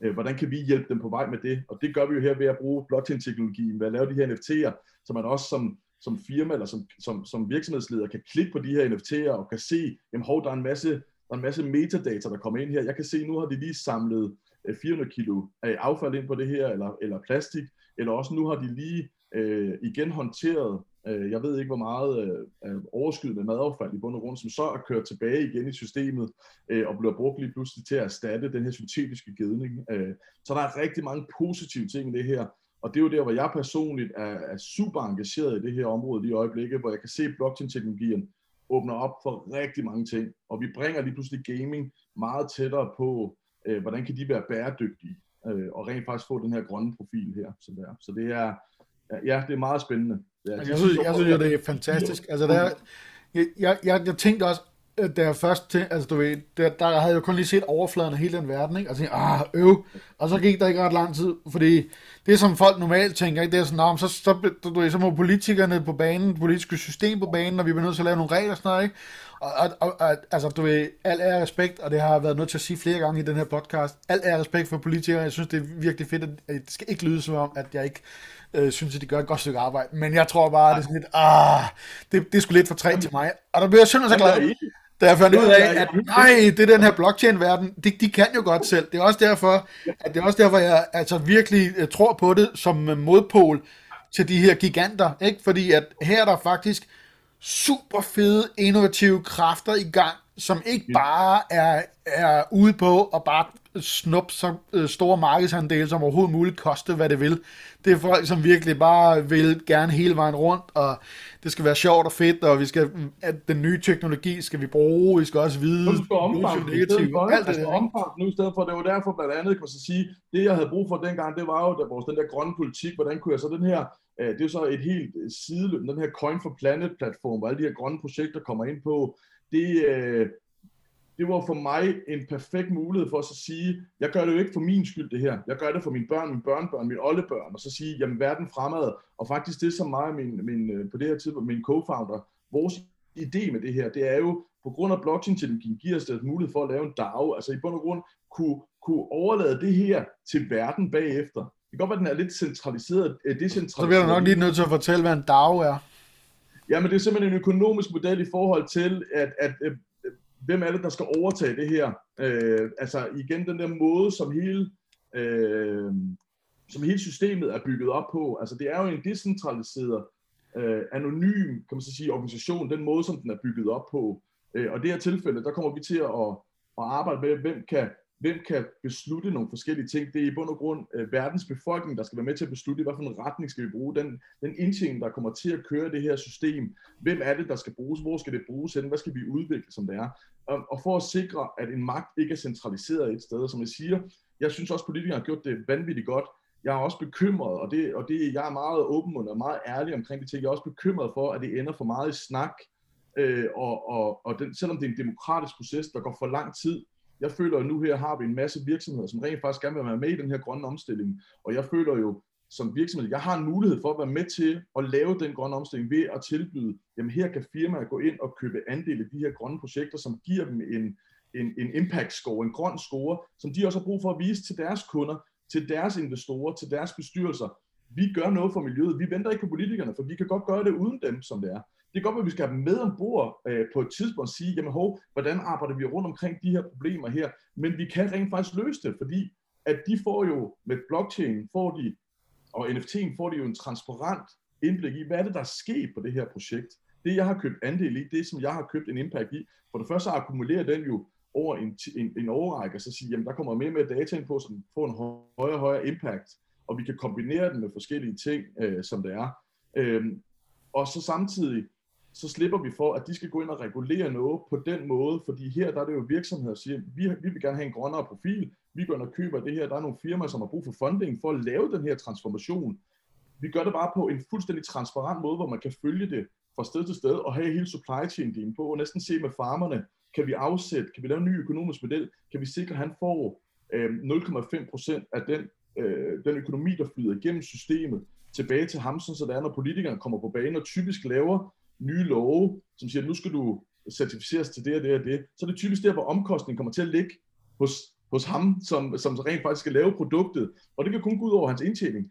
Der bliver vi nødt til at tænke nye baner, og der føler jeg, at vi har en mulighed for her med blockchain og med identiteten, at bygge det ind i de her smart contracts, at systemet betaler rent faktisk øh, vores producent til at lave den omstilling. Så, så han ikke har, han skal ikke gå, du ved, sænke sine, øh, sine, øh, sine øh, priser på sine produkter. Han skal ikke gøre det, for systemet betaler ham for, at der er ikke nogen undskyldninger for, at du ikke er med på den her bølge her. Fordi det har vi sørget for, at der er funding til. Du skal bare være med. Vi sørger for at give dig travar, og du bliver ved med at gøre, hvad du gør. Nu skal du bare gøre det på måske en anden måde, eller, eller få netop, du ved, få de her certifik- øh, certifikater. Uh, og så har vi jo så vores worldwide partner, som laver den her uh, audit-del for at sikre den data, der kommer ind, at firmaet også kan stole på den, og den er certificeret, og så opnår du de her forskellige ting. Og igen, altså får du sådan en, en, et grønt regnskab, når året er om, som ligger på blockchain, som der ikke kan snydes med, ikke kan manipuleres. Det her det, hvad du har gjort. Det er den her impact score, du har gjort. Det vil sige, at mig som forbruger kan gå ind og se, hvad har det her firma rent faktisk gjort i den grønne omstilling. Fordi jeg ved, der sidder rigtig mange virksomheder, som gerne vil være med øh, til det her, men de sidder meget afventende på politikerne lige nu, som jeg synes, det er der ikke nogen grund til. Vi kan gøre det, fordi vi har alle de her projekter derude, som har brug for funding, som vi også selvfølgelig laver vores due diligence på og siger, batter det nu noget, det I laver, eller er det noget, der skal kombineres med noget andet bæredygtigt, før at det virkelig giver noget. Som vertical farming, så skal der jo frigive, den jord, man frigiver, den skal der jo investeres i og plantes øh, for eksempel til biodiversitet eller andre ting, som gør, at impact bliver endnu større. Fordi ellers er det jo bare en højere fødevaresikkerhed og mere øh, høstning, men du frigiver jo rent faktisk noget land, som jeg mener øh, i mange hensener, i mange lande, ikke kun i Danmark, er udpint. Og vi bliver nødt til at se, hvordan kan vi arbejde med det i en økonomisk model og frigive det land og sørge for, at det bliver igen regenereret og rent faktisk bliver næringsholdigt igen. Det mener jeg, at vi kan gøre med nogle af de her modeller her rent faktisk. Så jeg glæder mig sindssygt meget til at arbejde videre med det her, og det er noget af det, som jeg personligt fokuserer rigtig meget på. Også for igen at være sikker på, at, fordi det er jo tiltrækning for mine kunder, at sige, at hov, når vi kommer ind på Reality Gaming Groups øh, produkter eller vores platform, øh, så er det det, så håndterer I den her for mig. Og så firmaer i sig selv kan jo så komme ind via Coin for Planet og sige, jamen det her, det vil vi gerne være en del af, vi vil gerne købe os ind i det her projekt her et eller andet sted, fordi der kan vi se, der sker rent faktisk noget fra næsten dag 1 af, der kommer man i gang, producerer data, og giver impact-scoren. Og noget af impact-scoren er lav i starten, men får selvfølgelig øh, et længere på, på typisk øh, 2, 3, 4, 6, 7 år, afhængig af hvad det er. Men det bliver mere, det bliver mere transparent end bare carbon credits, som jeg siger. Det er rigtig godt, men, men jeg synes jo ikke, det gør noget andet, end det bare er afladet på en meget, du ved, sådan øh, lukket måde. Og det, der mener jeg, at vi har nogle andre muligheder nu med blockchain. Og det er i hvert fald det, som jeg selv øh, går rigtig meget op i som man sikkert også kan høre. Øhm. ja, ja. jeg synes, det er fantastisk. Altså, jeg er simpelthen så vild med, at, øh, at den her nørdeverden øh, ligesom øh, vil øh, det bedste, og, ja. og, og, og har midlerne og brainpower og det ene til at faktisk få det til at ske øh, hurtigere, end jeg troede. Altså, det ja. var nærmest, der gik ikke ret lang tid. Det går sindssygt stærkt, og det vi ja. kan se her nu, nu bringer vi også gaming den anden vej. Det vil sige, at vi ikke lige pludselig kan lave spil, som rent faktisk øh, arbejder med bæredygtighed også. Ikke? Det vil sige, at vi kan lave spil, som rent faktisk ind i spillet, øh, når du gør noget, så, så støtter vi bæredygtighedsprojekt i den anden ende, som måske faktisk bliver bragt tilbage ind igennem spillet. Lige pludselig bliver der plantet flere træer inde i Fortnite, eller der gør et eller andet, fordi det rent faktisk sker i den virkelige verden. Det er jo der, hvor jeg synes gaming, og derfor har jeg hele tiden sagt, gaming er vejen for mig i forhold til mass adoption med brugen af blockchain. Så ja. kommer der alle de andre ting selvfølgelig, hvor jeg ved, DeFi er en helt speciel ting, altså som ligger og kæmper med bankerne og alt muligt andet jeg vil bare gerne, jeg, vi, vi er jo anderledes. Vi bruger den samme teknologi, men på en anden måde, fordi vi bruger smart contractsene til at kan lave noget, og gaming kan bare blive, blive brugt på så mange fantastiske måder et eller andet sted, synes jeg. Både den ene vej og den anden vej. Ja, det er fantastisk. Altså også som, som gammel gamer øh, snakke, jeg har jo også den her anden podcast, som handler om Magic uh, the Gathering, og der snakker ja. jeg med min medvært, om at, øh, jamen prøv at forestille dig det der med, at du kan, du kan gå på, på dungeon crawl med dine venner, ikke? Og, så, og så fiser du ned, og så samler du, øh, du ved, tohåndssvær og, øh, og, og plate armor og så videre, ikke? Og jo. så når du kommer tilbage igen, så, så smider du hele baduljen på en blå avis og sælger det, ikke? Og det er ligesom, altså det kan du, det kan du ligesom have en sidegeschæft med, ikke? Jamen det kan du, og det er jo det, vi ser nu her, hvor mange folk, altså det der play to earn, uh, som det er, hele det her koncept, som vi så blandt andet med Axie Infinity, var, har virkelig været mover på, ikke? Alexander, som er, er CEO deroppe, han kender jeg, vi har jo fulgt hinanden i hele det her space, vi startede jo sammen, og sad side ved side til de første konferencer, hvor vi var øh, fem mennesker et eller andet sted, ikke? også at sige, hvad er det her blockchain, hvad er det her NFT-delen, eller de her digital in-game collectibles, hvor, hvor, hvor folk sad jo bare de aner ikke, altså de, de aner det jo ikke, men der var nogen, der begyndte at forstå, okay, det her det kan noget mere, hvad er det, det kan? Øh, og så begyndte vi jo at udvikle spil, hvor det kan bruges, og han, de kørte jo så med Axie Infinity rigtig meget i Play to Earn, som man kan se nu her, er jo eksploderet, altså fuldstændig, øh, og, og lige pludselig skaber jobs, fordi folk får mulighed for at kan sidde og tjene penge ved, og sidde og spille, øh, og tjene penge eller sted, og jeg kan jo via blockchain-teknologien sige, hvis jeg ejer nogle Axis, så kan jeg jo lege dem ud til andre, hvor de kommer til at kan tjene penge, og jeg kommer til at tjene bare en, en passiv indkomst, simpelthen på grund af, at jeg leger min assets ud. Øh, så der er jo rigtig mange fantastiske ting, som åbner op for det her, øh, som, som jeg synes jo, og det er også derfor, jeg skrev blandt andet en artikel omkring Move to Earn, hvor vi gjorde det, også ligesom med Pokémon. Altså, hvordan kan du, hvordan kan du belønne en, øh, nogle mennesker, som flytter fra A til B, og give dem en digital uh, reward, eller kan det være en fysisk ting? Kan du samle øh, uh, Starbucks-logoer uh, op og og konvertere dem til en rigtig en. Og jeg ved jo, McDonald's har blandt andet været faktisk rigtig fremsynet på det her i mange år, øh, med deres coin, den der digitale coin, du kan samle op, øh, og så konvertere den til, til, til nogle forskellige øh, deals inde i McDonald's, som der er igennem deres app. Og det er jo helt tilbage, faktisk det jeg startede, det var helt tilbage, jeg tror i 12, ja, 14 har det nok været, øh, begyndt at virkelig se det. Øh, men ikke rigtig kommet videre med det, for jeg tror, at mange folk, og det er, det, det er stadig nyt, skal vi lige på, det er fem år, jeg har arbejdet med det her, og været med fra starten af. Øh, folk, og det er derfor, vi siger, at store brands kommer ind her nu, men de har stadigvæk svært ved, hvordan er det, vi skal, altså hvordan får vi skabt en ny økonomi. Øh, omvendt, så har de jo forstået, at deres, deres nuværende, øh, kan man så sige, uh, revenue-model fungerer på mange områder, men nu kan de rent faktisk tjene endnu flere penge på den samme ting, fordi når du køber på Nike-sko, eller du køber på Adidas-sko, eller Hummel, eller hvad det, det skal være, så kan du også få en digital version af dem, som du så kan bruge i de her metaverses rende rundt, og så folk sidder og siger, det er fandme nogle fede sko, der vil jeg gerne købe. Og, og så kan man jo kigge på dem, og det er jo det der, der er smarte ved blockchain-teknologien. Der kan man jo verificere, hvor mange er der reelt af de her sko her. Er der kun fire i omløb? Jamen hov, så værdien på dem får du hurtigt en indikation på, frem for du ved faktisk ikke, hvor mange der er af de her fysiske. Og det er jo sådan lidt det, hvor vi, vi provokerer lidt den der øh, fysiske verden i forhold til samlerkort. Øh, hvorfor er det digitale samlerkort på mange områder er, er, synes jeg, er federe jeg, jeg kan godt lide kombinationer begge to. Jeg er stadigvæk old school. Jeg er stadigvæk for gammel til ikke at sige, at det er kun digitalt, der er vejen frem. Men jeg kan godt lide, at det er mere transparent i forhold til, hvor mange eksisterer der den her. Ergo, hvordan kan jeg også værdisætte den her? Og det kan man så gøre via de her smart contracts, som kan se, hvor mange er der rent faktisk blevet mintet af lige præcis den her kombo øh, af den, som det er, hvor, hvor ellers så skal du stikke fingrene op og så sige, jeg har det her, yes, men, men det er måske sværere at værdisætte den, hvis du ikke ved, hvor mange der rent faktisk er, fordi den kan være rigtig meget værre, fordi der ikke er nogen, eller den kan være utrolig lidt værd, fordi der er rigtig mange.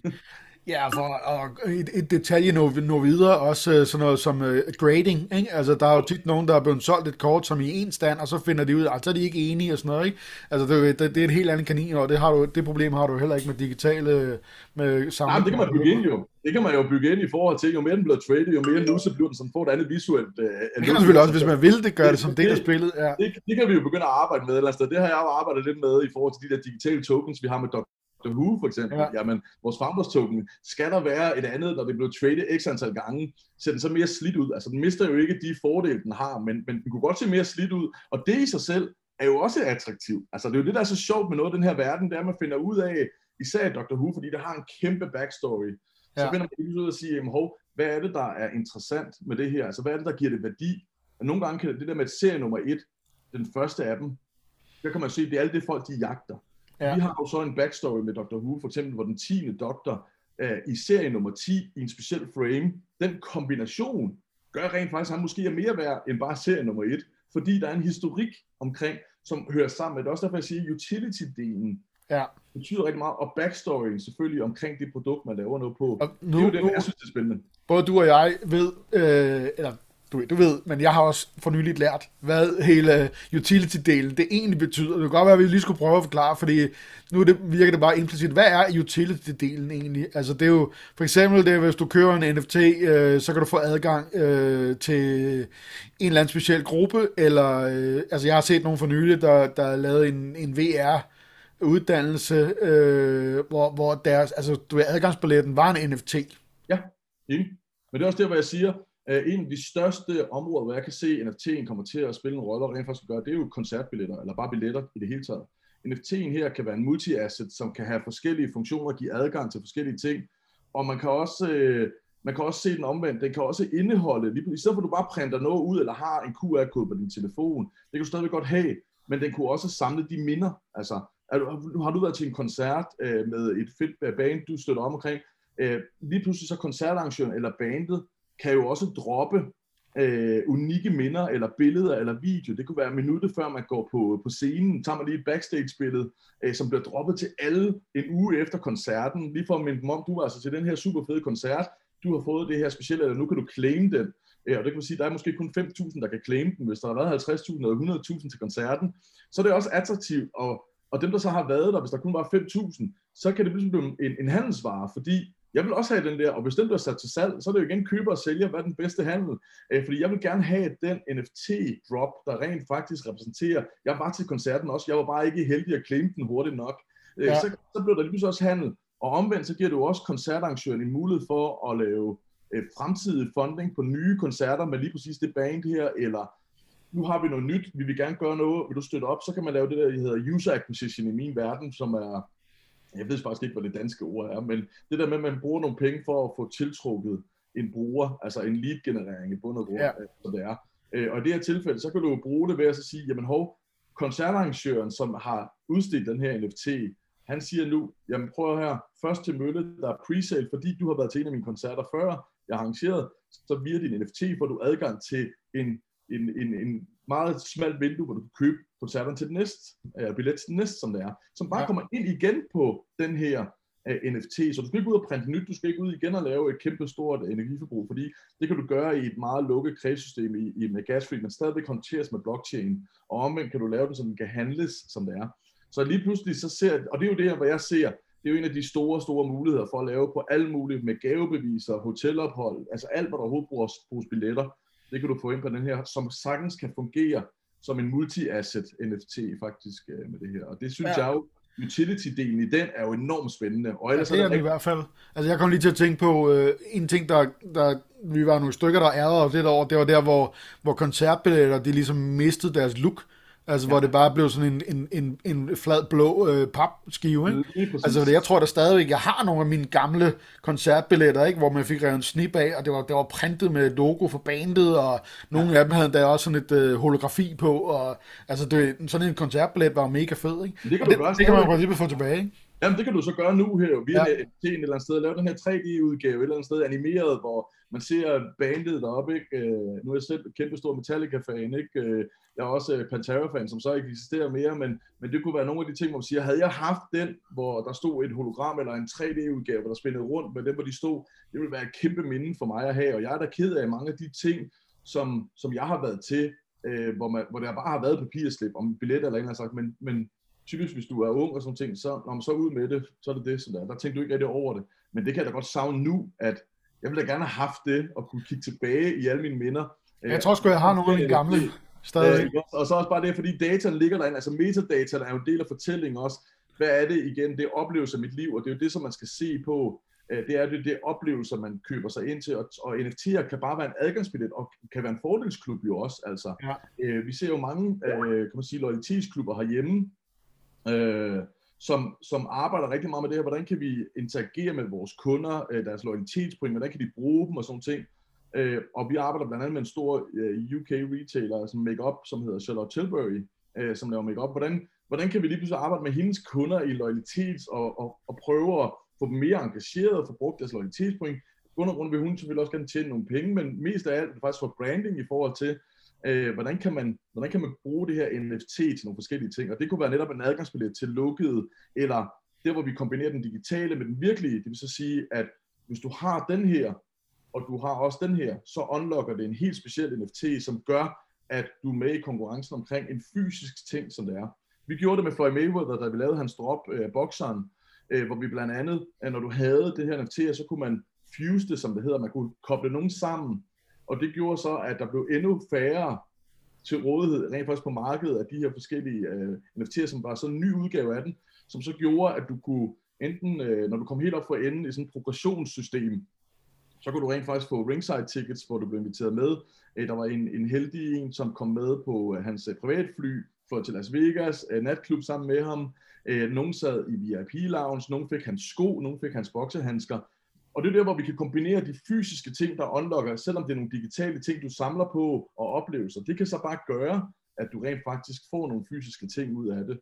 Ja. Og det synes jeg jo er spændende. Det er også det, vi ser lidt nu her med et af vores, vores andre projekter, som hedder Smities, hvor vi har fået en tøjproducent ind, hvor det er, at man simpelthen scanner den her QR-kode uh, øh, NFT-chip på, på selve den fysiske bamse, og så får man rent faktisk en NFT af, af lige nøjagtigt den udgave, som man så kan bruge i et spil.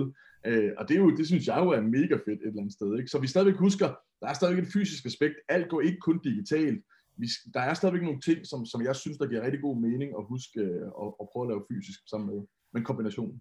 Altså jeg tror også, øh, altså jeg, min, det er sådan umiddelbart at se, det, fordi, fordi vi kan jo godt snakke Ready Player One og så videre, ja. det hele derude, det der, men der er altså, der er et stykke vej endnu, øh, hvor, ja. hvor der er temmelig meget øh, Fork of War, øh, for, øh, altså det, det ved vi ikke så meget om, vel? Men det jeg tror, jeg ligesom kan se, det er for det første, den første teknologiske, sådan, du ved, main adoptable ting, det bliver, det bliver det her nye haptic øh, feedback, det er, ikke, det er ikke særlig langt væk, tror jeg sådan på tek- teknikfronten. Og så, og så fordi det er en af de ting, fordi folk arbejder jo på alt muligt, men sådan mainstream-mæssigt, der tror jeg, der er begrænset for, hvor mange ting folk de gider kapsle sig ind i, for at kunne få luft og, og, og luft og kunne gå og alt muligt mærke. Ikke? Så hvis du lige skal have 10 minutter i, altså kan du ikke bruge en halv time på at tage grej på, vel? Men jeg tror, det der haptic feedback, det kommer sådan lige rundt om, altså inden for kort tid. Og så det næste, øh, som jeg allerede kan, altså det, som du også selv sagde, interoperability, med det her Avatar-univers. Øh, ja. Nu kan jeg ikke lige huske, hvad det hedder, men jeg har selv været inde og, inde og, øh, og lave en. Altså, jeg har adoptet, jeg hedder Onkel Online i, øh, i metaverse. øh, og jeg var heldig, at, at det var ikke taget og sådan noget. Øh, så det er ligesom det. Øh, og der kan jeg jo se det der med at kunne, kunne lave sin avatar, og så hoppe rundt fra metaverse game og så videre og så videre. Øh, ja. det, det, bliver, det er en ting, som alle folk de vil have øh, allerede. Ikke? Øh, og så og så kommer modebranchen, altså som allerede, altså Gucci og Vans, og de har jo allerede været i gang, ikke? Øh, og, og det kan jeg se, at der selv jeg tænker, hmm, altså jeg har jo også øh, lavet t-shirt designs til bands og hvad jeg i mange år, ikke?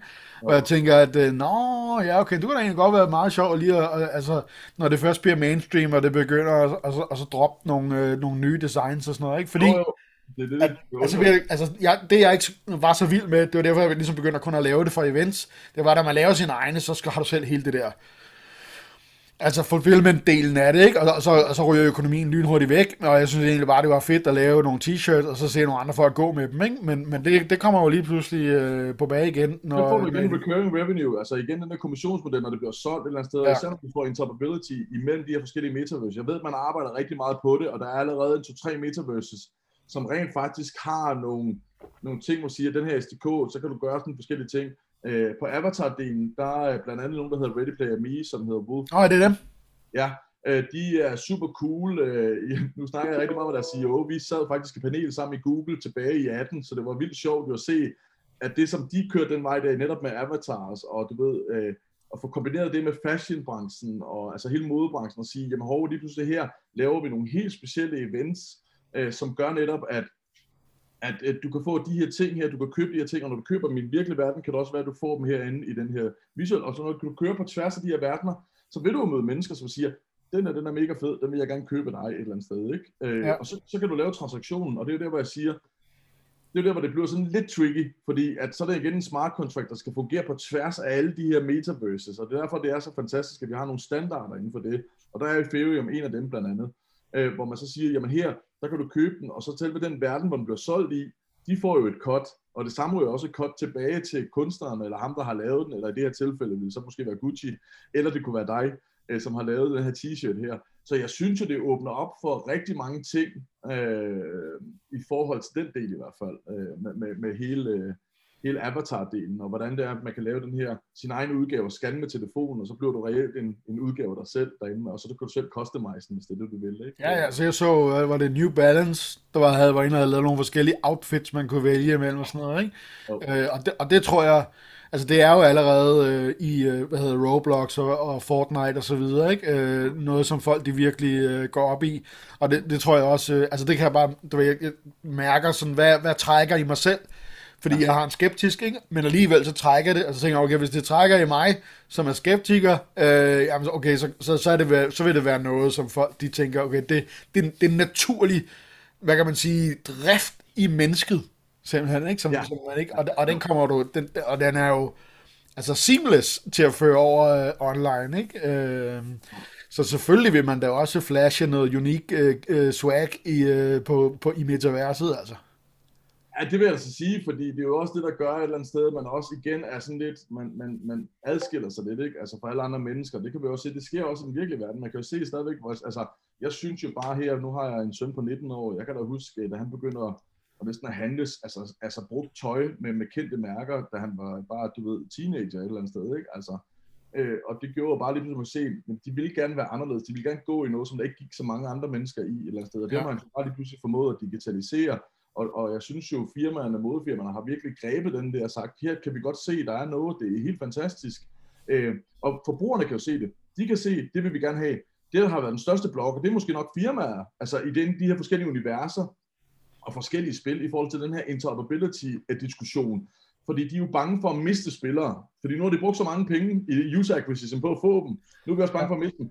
Omvendt har de jo lige pludselig fundet ud af, mange har fundet ud af, at det også åbner op for rent faktisk nye brugere, fordi lige pludselig så blev det også attraktivt den anden vej, altså sige, hov, du kan komme herind og spille det her øh, i vores verden, du kan komme ind i det her, så, så økonomien bliver lige pludselig faktisk endnu større, altså, og jeg tror, det er det, de har fundet ud af, at, at vi skal åbne op, altså, vi kan godt ja. se det her, for det første er det uundgåeligt, vores forbrugere kræver det, de kræver også, at det er mine assets, det er mig, der har købt dem, jeg skal have ejerskab over dem, men de har lige pludselig fundet ud af, at den økonomiske model er pludselig rigtig interessant. Så igen, kan de spare nogle omkostninger ved ikke at skal have, øh, kan man så sige, lige så mange mennesker til at sidde og lave det samme asset, som også bliver lavet af nogle andre mennesker i et andet øh, et eller sted. Hvorfor ikke lave nogen efter en standard, som kan bruges på tværs, og så se, hvem kan så være mest interessant i forhold til at tiltrække. Og det er jo så det, vi ser også med metaverses, for at lidt at komme tilbage.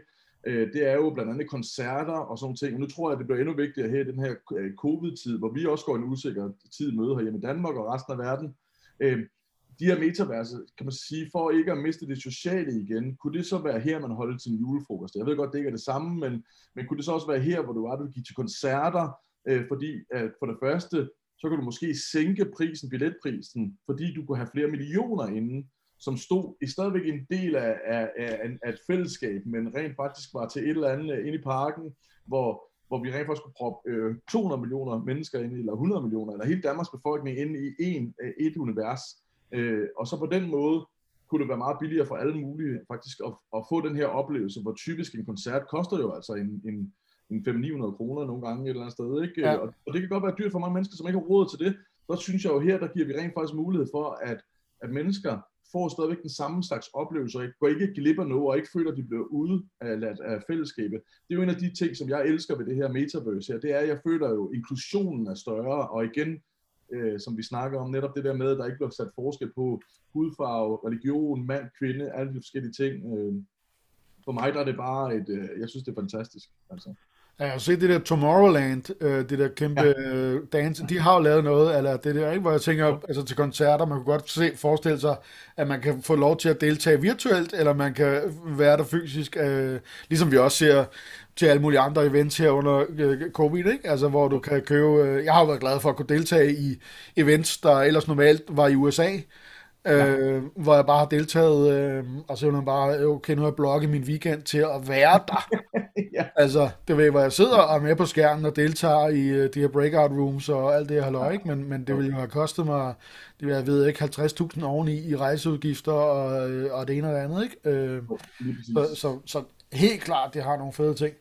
Uh, vi har godt nok snakket længe, Morten. Ja, jeg, jeg, jeg, jeg er ked af, jeg kan blive ved med at snakke, men det er fordi, jeg er så begejstret for det her. Jeg synes, at, at der er så mange uendelige muligheder, som kan hurtigt stride i alle mulige retninger, men jeg synes, og det er jo også derfor blandt andet, jeg bruger rigtig meget tid også på at netop at være med i nogle af det her, fordi jeg håber på at kunne inspirere andre til at sige, grib nu de muligheder her.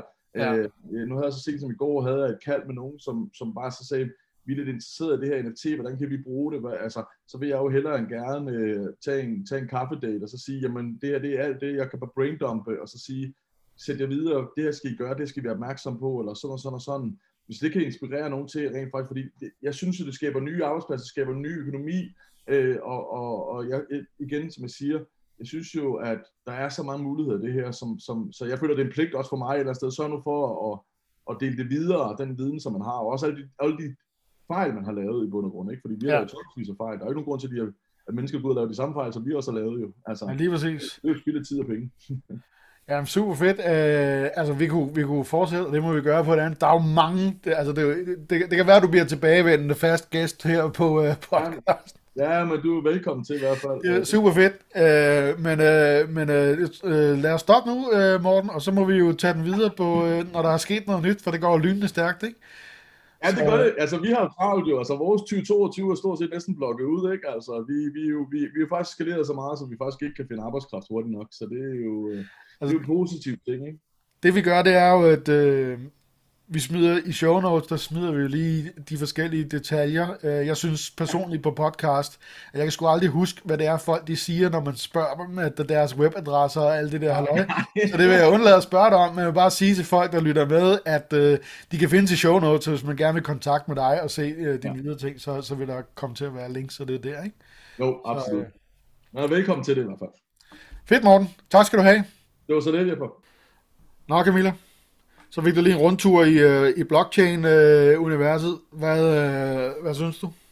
Det var mega spændende. Hold da op en bred viden også. Altså, øh, nogle gange så dykker vi jo ned i, i en lille ting her, men, øh, men, men det her, det var jo øh, både øh, altså oplevelser, det var grøn energi, det var nye businessmodeller og, og alting. Ikke? Altså, Øh, noget af det første, jeg sådan øh, hæftede mig en lille smule ved, og det, det kan jeg jo se, det er jo det, der sker, øh, når der kommer sådan nogle announcements, som, som det her med metaverset øh, fra Zuckerberg, det er, at, at, at sådan det etablerede miljø, eller undermiljøet, eller hvad man siger, de griner lidt. Ikke? De siger, nej, ja, og så, så kom han der, og vi har jo været i gang i overvis, og, og VR startede i, i 90'erne, og alle de der ting. Ikke? Øh, og det, det tror jeg også er rigtigt. Altså, det er jo, det er jo øh, for dem på en eller anden måde måske en lille smule provokerende, at der kommer sådan en og, øh, og announcer, at nu, nu skal det hele bare du ved, være på hans måde og så videre. Ikke? Øh, men jeg tror, og det, og det ved de nok også godt øh, selv, det er jo en kæmpe driver i forhold til at få det her mainstream. Altså du kan jo se, da, øh, Facebook købte Oculus, at så, så, så, så steg salget, ikke? Og nu, altså jeg tror, at der er rigtig, rigtig mange, der får et VR-headset i, øh, i julegave. Det kunne jeg forestille mig i år, og for ikke at tale om næste år og så videre. Jeg kan se, at jeg er selv med i nogle af de der VR-grupper, hvor hurtigt der kommer nye medlemmer. Altså det er jo helt vildt, så mange der kommer på. Øhm, og det er nogle andre spørgsmål, der bliver stillet af de nye også. Altså det er ikke det der med, hvor skal jeg starte? Det ved de allerede. Det er bare ja. sådan, altså det, det, det er et helt andet niveau. Allerede, ikke? Og jeg har ja. været med i et års tid. Øhm, men det synes jeg var sjovt, øh, at, at, at der var den der reaktion med, at jamen, vi, vi grinede lidt, da han kom med den der announcement. Ikke? Men jeg tror virkelig, at det, det kommer til at, at sætte smæk på deres udvikling også. Det tror jeg også. Altså nu... Øh er jo efterhånden ved at miste overblikket en lille smule over, hvor mange artikler jeg læser om, øh, om det her. Mm. Men jeg kan huske, jeg læste her den anden dag. Øh, en, en af de ting, som jeg tænker, at vi skal lave snart, det er øh, ligesom at overblik over de her forskellige metaverser. Ja. Eller hvad man nu skal kalde dem.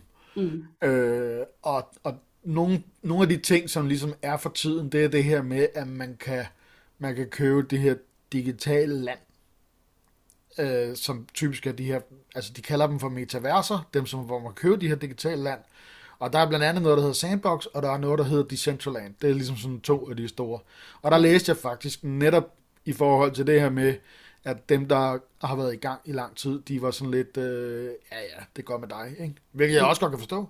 Jo, jo, Men- helt sikkert. Men til gengæld, så kunne man også bare se, at prisen på de her øh, øh, landplots, i både i Sandbox og øh, Decentralands, de er jo bare steget helt vildt efterfølgende. Ikke? Og det er også det, jeg ser, når jeg kigger rundt øh, nu her den anden dag. Øh, det var faktisk, jeg tror, det var, det var faktisk lige dagen før jeg talte med Morten, eller, øh, eller samme dag, tror jeg, kan jeg ikke huske. Men der kom der noget, et, øh, altså der, blev- der blev ligesom åbnet for et eller andet univers, øh, et nyt spil, som hedder Sin City, altså ligesom Sin City, bare med Y, mm-hmm. øh, som er sådan et NFT-game, og der gik 24 timer, tror jeg det var, så havde de 20.000 mennesker på deres Discord. Ja. Øh, og, og det, jeg synes, der er sjovt at se der, og nu er jeg blevet sådan lidt hooked på det, fordi det minder mig nemlig om dengang, jeg lavede crowdfunding, Mm. Ja, hvor man kan sige, at det meste af arbejdet i en crowdfunding-kampagne, det ligger faktisk før kampagnen. Og det er også det, de går i gang med nu, når de laver al deres hype, fordi der er jo ikke, altså spillet eksisterer ikke endnu. nej.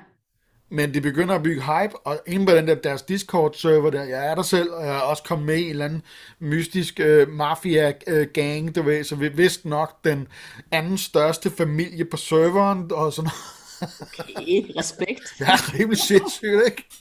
Øh, men det var fordi, jeg, var, jeg tror, jeg var nummer 17.000 eller sådan noget, øh, da, da vi hoppede ind. 17.000 et eller andet, ikke? Øh, fordi jeg faktisk så det i Mortens, øh, deres øh, Reality Gaming Group Discord øh, kanal, fordi der var nogen, der sådan generelt tråd for, for øh, sådan en NFT blockchain chat, og der var nogen, der nævnte det der, og så hoppede jeg over, og nu er det jo eksploderet øh, fuldstændig vildt, ikke? Og den der server, den, den koger op, og de, der, der er noget, nogle, øh, altså de laver alle mulige sådan nogle gåder, man skal løse for ligesom at finde ud for, og alt det folk, de vil, de vil jo komme først til mølle. Det er det, det hele handler om. Ikke? Fordi du har haft alle de her historier, altså blandt andet så øh, er der noget, altså sand, er det Sandbox? Jeg tror, det er Sandbox.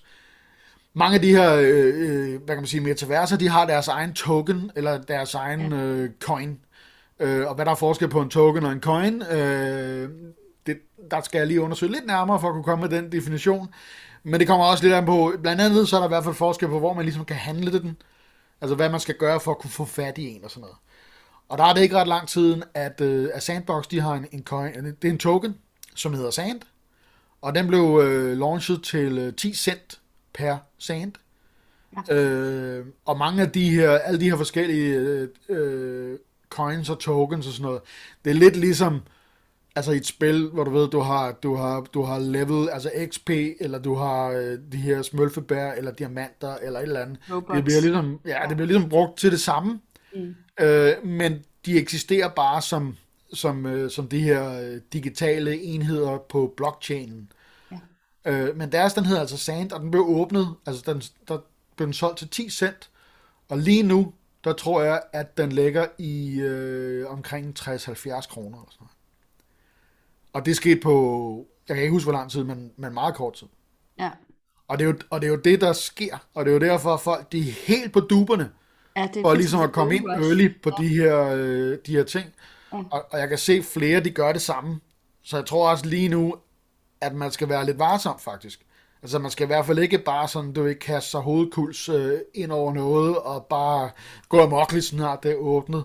Øh, jeg har set en del, øh, for kan man sige, sådan pointers i forhold til, hvad man ligesom skal kigge efter og sådan noget, øh, som vi måske kan tale om på et senere tidspunkt. Jeg er ikke sådan stærkt nok i det endnu. Men det virker som om, at, at folk, altså for et år siden, der var der NFT'er, så gik der mok på Clubhouse, alle folk snakker om NFT'er, musikere og gud i, der kan se noget andet og sådan noget, ikke? Og, og det eksploderede jo, så blev lige pludselig blev det rigtig mange penge værd. Så nu er, det, nu er det ligesom den næste bølge, det der, okay, vi ved godt, hvad NFT'er er, men nu prøver vi alle sammen at komme, du ved, ind som early birds på det nye hot shit øh, projekt, ikke? Ja. Og, og det tror jeg er en lille smule øh, risky. Øh, Altså, jeg, jeg har det i hvert fald sådan, som jeg har det med, øh, også når jeg investerer i aktier og andet, at øh, lad være at investere mere, end du øh, kan tåle at miste. Ja. Øh, det, er, det er min strategi, og har været det de sidste, ja, tror, vi har investeret i 20, 20-25 år måske. Ikke?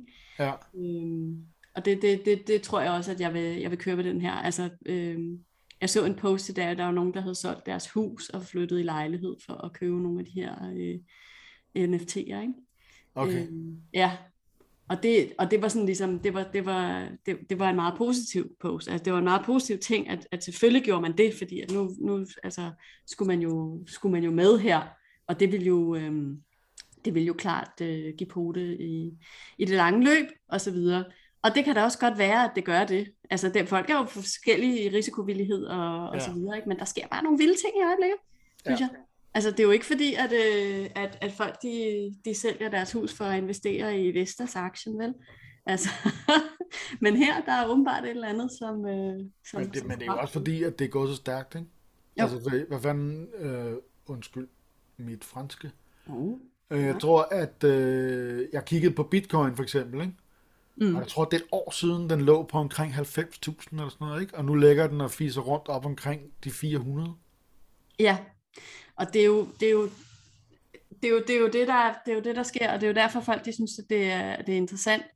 Og den er bare stadig mega, mega ustabil. Ikke? Altså nu så jeg faktisk i, øh, i den her uge en udsendelse om El Salvador og deres præsident, som jo havde, øh, nu er det jo en, en officiel valuta, bitcoin i El Salvador. Okay, Han øh, annoncerede, at nu skulle han lave en bitcoin city for at, øh, at trække investeringer til og sådan noget der. Han har jo nogle forskellige dagsordner med det, ikke? Øhm, hvor at, at nej-sigerne kan man sige, altså, det, det, prøv at høre, altså, og det kunne man jo se, de der mennesker, de, de skyndte sig i banken for at trække penge ud, fordi nu gik det nedad, ikke? Og, altså, og det er jo et land med meget, meget store, øh, hvad hedder sådan noget, udsving i altså fattigdom og så videre, ikke? Så, så øh, det, er jo, det er jo noget at gamble, kan man sige, øh, med sådan en helt lands økonomi. Men det er jo også bare, det siger jo igen noget om, altså, hvad, hvad er det, der, der sker i det marked? Det er ikke engang kun folk, der, der sælger huse, det er jo hele, hele landet, der ligesom øh, kommer med på den her bølge. Ikke? ja. Meget interessant. Ja, altså jeg, tror helt klart, at der er sådan noget gold rush stemning. Ja. Altså sådan noget helt gammeldags, øh, du ved, gold rush.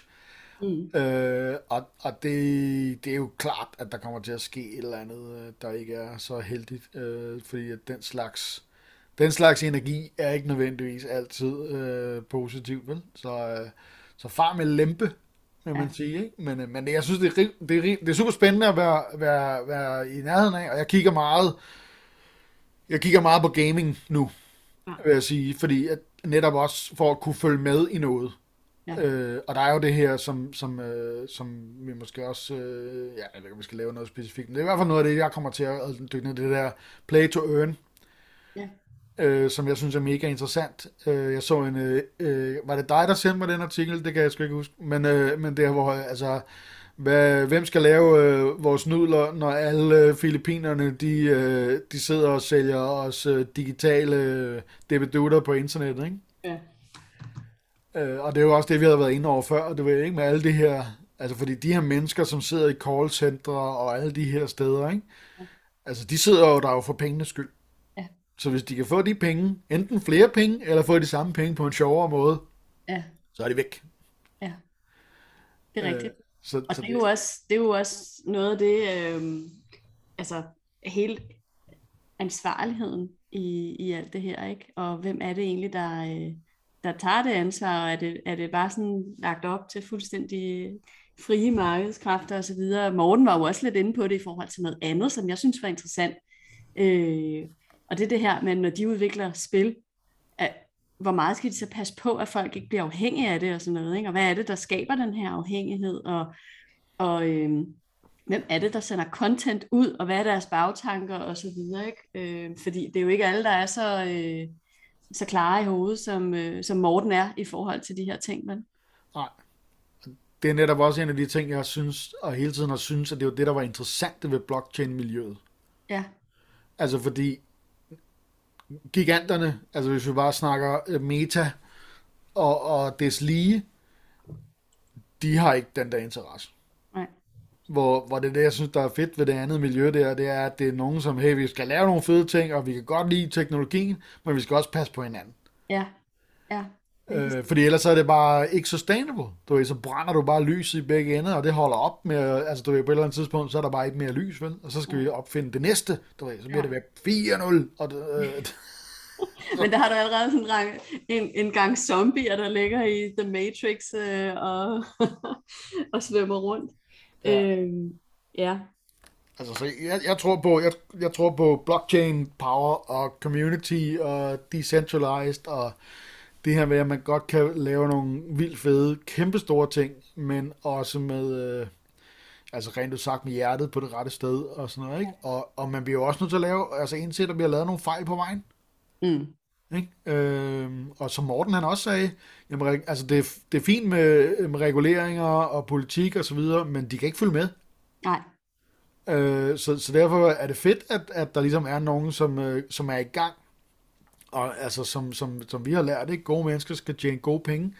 Der skal, fordi der skal jo også noget, der skal jo nogle midler til for at kunne hamle op med altså Zuckerberg og, øh, og kompanerne, ikke? Øh, så, så derfor er det bare, du ved, ja, støt, jeg, jeg vil hellere købe, øh, købe øh, nogle af de her plots, hvis jeg havde råd til det. Altså, det er eksploderet. Det er sådan, det billigste, man kan få fat i, det er sådan noget 16.000 dollars.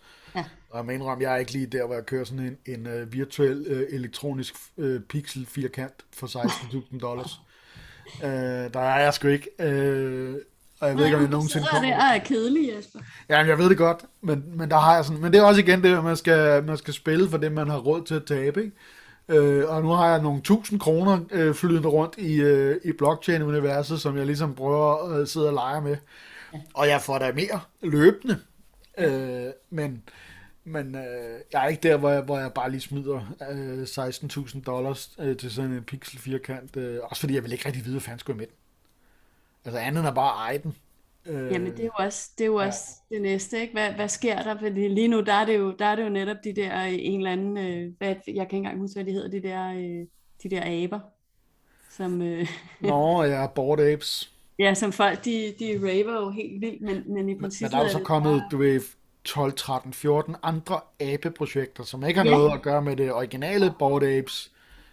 Øh, sådan noget, ikke?